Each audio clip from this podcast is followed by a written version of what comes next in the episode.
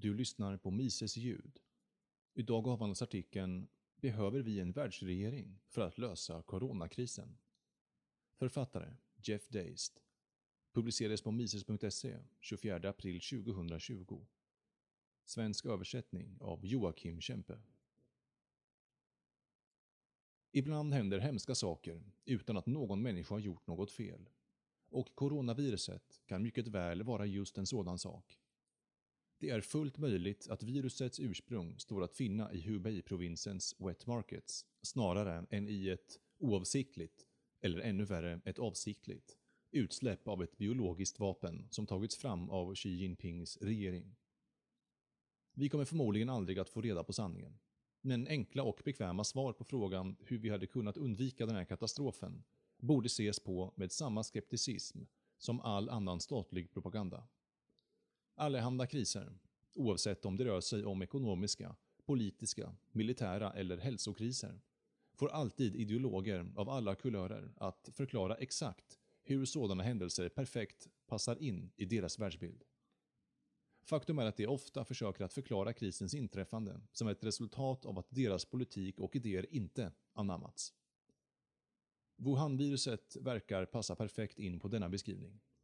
Alarmister som argumenterar för 1. Mer robusta och omfattande statliga folkhälsoåtgärder och 2. Mer överstatlig koordination ser oundvikligen infektionssjukdomar som ett perfekt medel för att rättfärdiga en ökad statlig makt över individer och deras medicinska beslut. Hemska och snabbt spridda virus är perfekt kanonmat för deras argument, som i slutändan går ut på att folk inte är kapabla att fatta egna beslut. Sjukdomsutbrott som sprider sig över nationsgränser göder byråkraternas längtan efter mer makt över befolkningen. De arbetar för att göra allmänheten mer villig att acceptera saker som tvångskarantän, att de som inte lyder ska arresteras, tvångsvaccinering, tvångsinskrivning på statliga institutioner, utegångsförbud, begränsningar på vilka företag som får vara öppna, vart man får resa samt importkontroller. De överlåter även makt till folkhälsotjänstemän för att ta kontroll över jakten på ett botemedel och de tar sedermera åt sig äran när viruset slutligen minskar i omfattning. Det är den här sortens saker som auktoritära politiker vill ha hela tiden. Kriser ger dem bara en möjlighet att öka sin makt, samt att göra allmänheten van att lyda statens befallningar. Statshatande libertarianer är inte immuna mot det här heller. Vi försöker ofta förklara kriser som ett resultat av en statlig intervention, att krisen skapats eller förvärrats av bristen på den marknadsdisciplin, marknadsincitament och äganderätt som kommer av politisk kontroll och politiska interventioner. Libertarianer tror till exempel att FDA, Food and Drug Administration, dödar mer människor än den räddar genom att den godkänner dålig medicin och försenar lovande behandlingar genom regleringar. Dessutom går den individualistiska libertarianska idén om att man äger sig själv emot själva idén om folkhälsa. Ingen individ får tvingas in i karantän eller immuniseras mot sin vilja.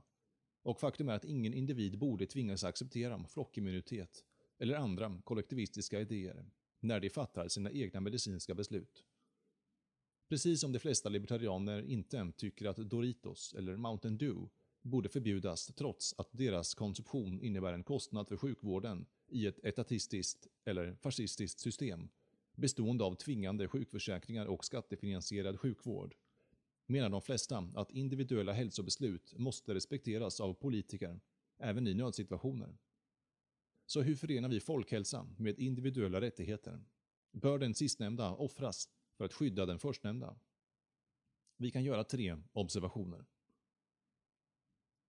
Först och främst har inte ens den väldigt auktoritära kinesiska staten kunnat stoppa viruset, trots att den kan isolera hela städer via diktatoriska befallningar och sätta alla i en stad i husarrest på ett sätt som är otänkbart i västländer. Den kinesiska statspolisen drar bokstavligt talat människor som misstänks vara smittade av viruset ut ur sina bilar, sätter dem i handfängsel och släpar bort dem till något som liknar ett fängelsesjukhus. Kinesiska medborgare som offentligt uttalar sig mot Xi-regeringens hantering av krisen arresteras. Således, om den kinesiska staten inte kan stoppa viruset, trots att de använder sig av krigslagar och trots att de har kontroll över media. Hur i hela världen förväntar sig västländerna kunna göra det? För det andra.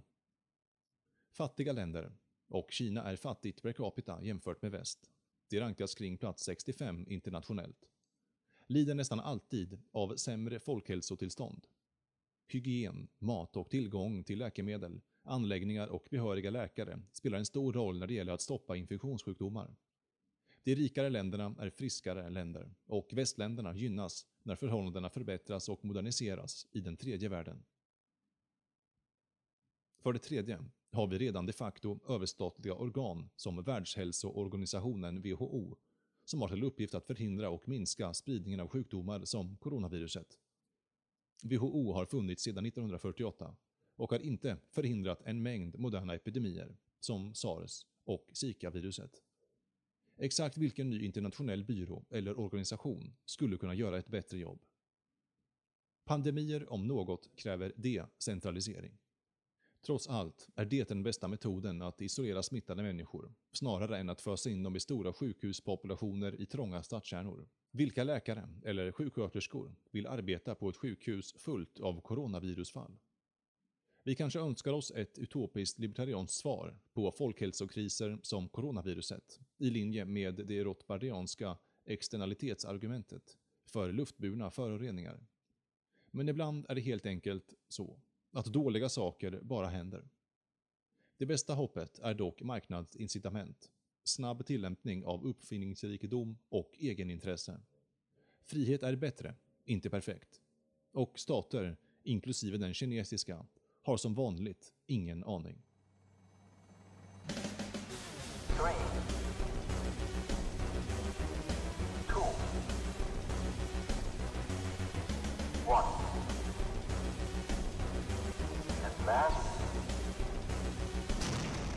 Don't put your trust in politics.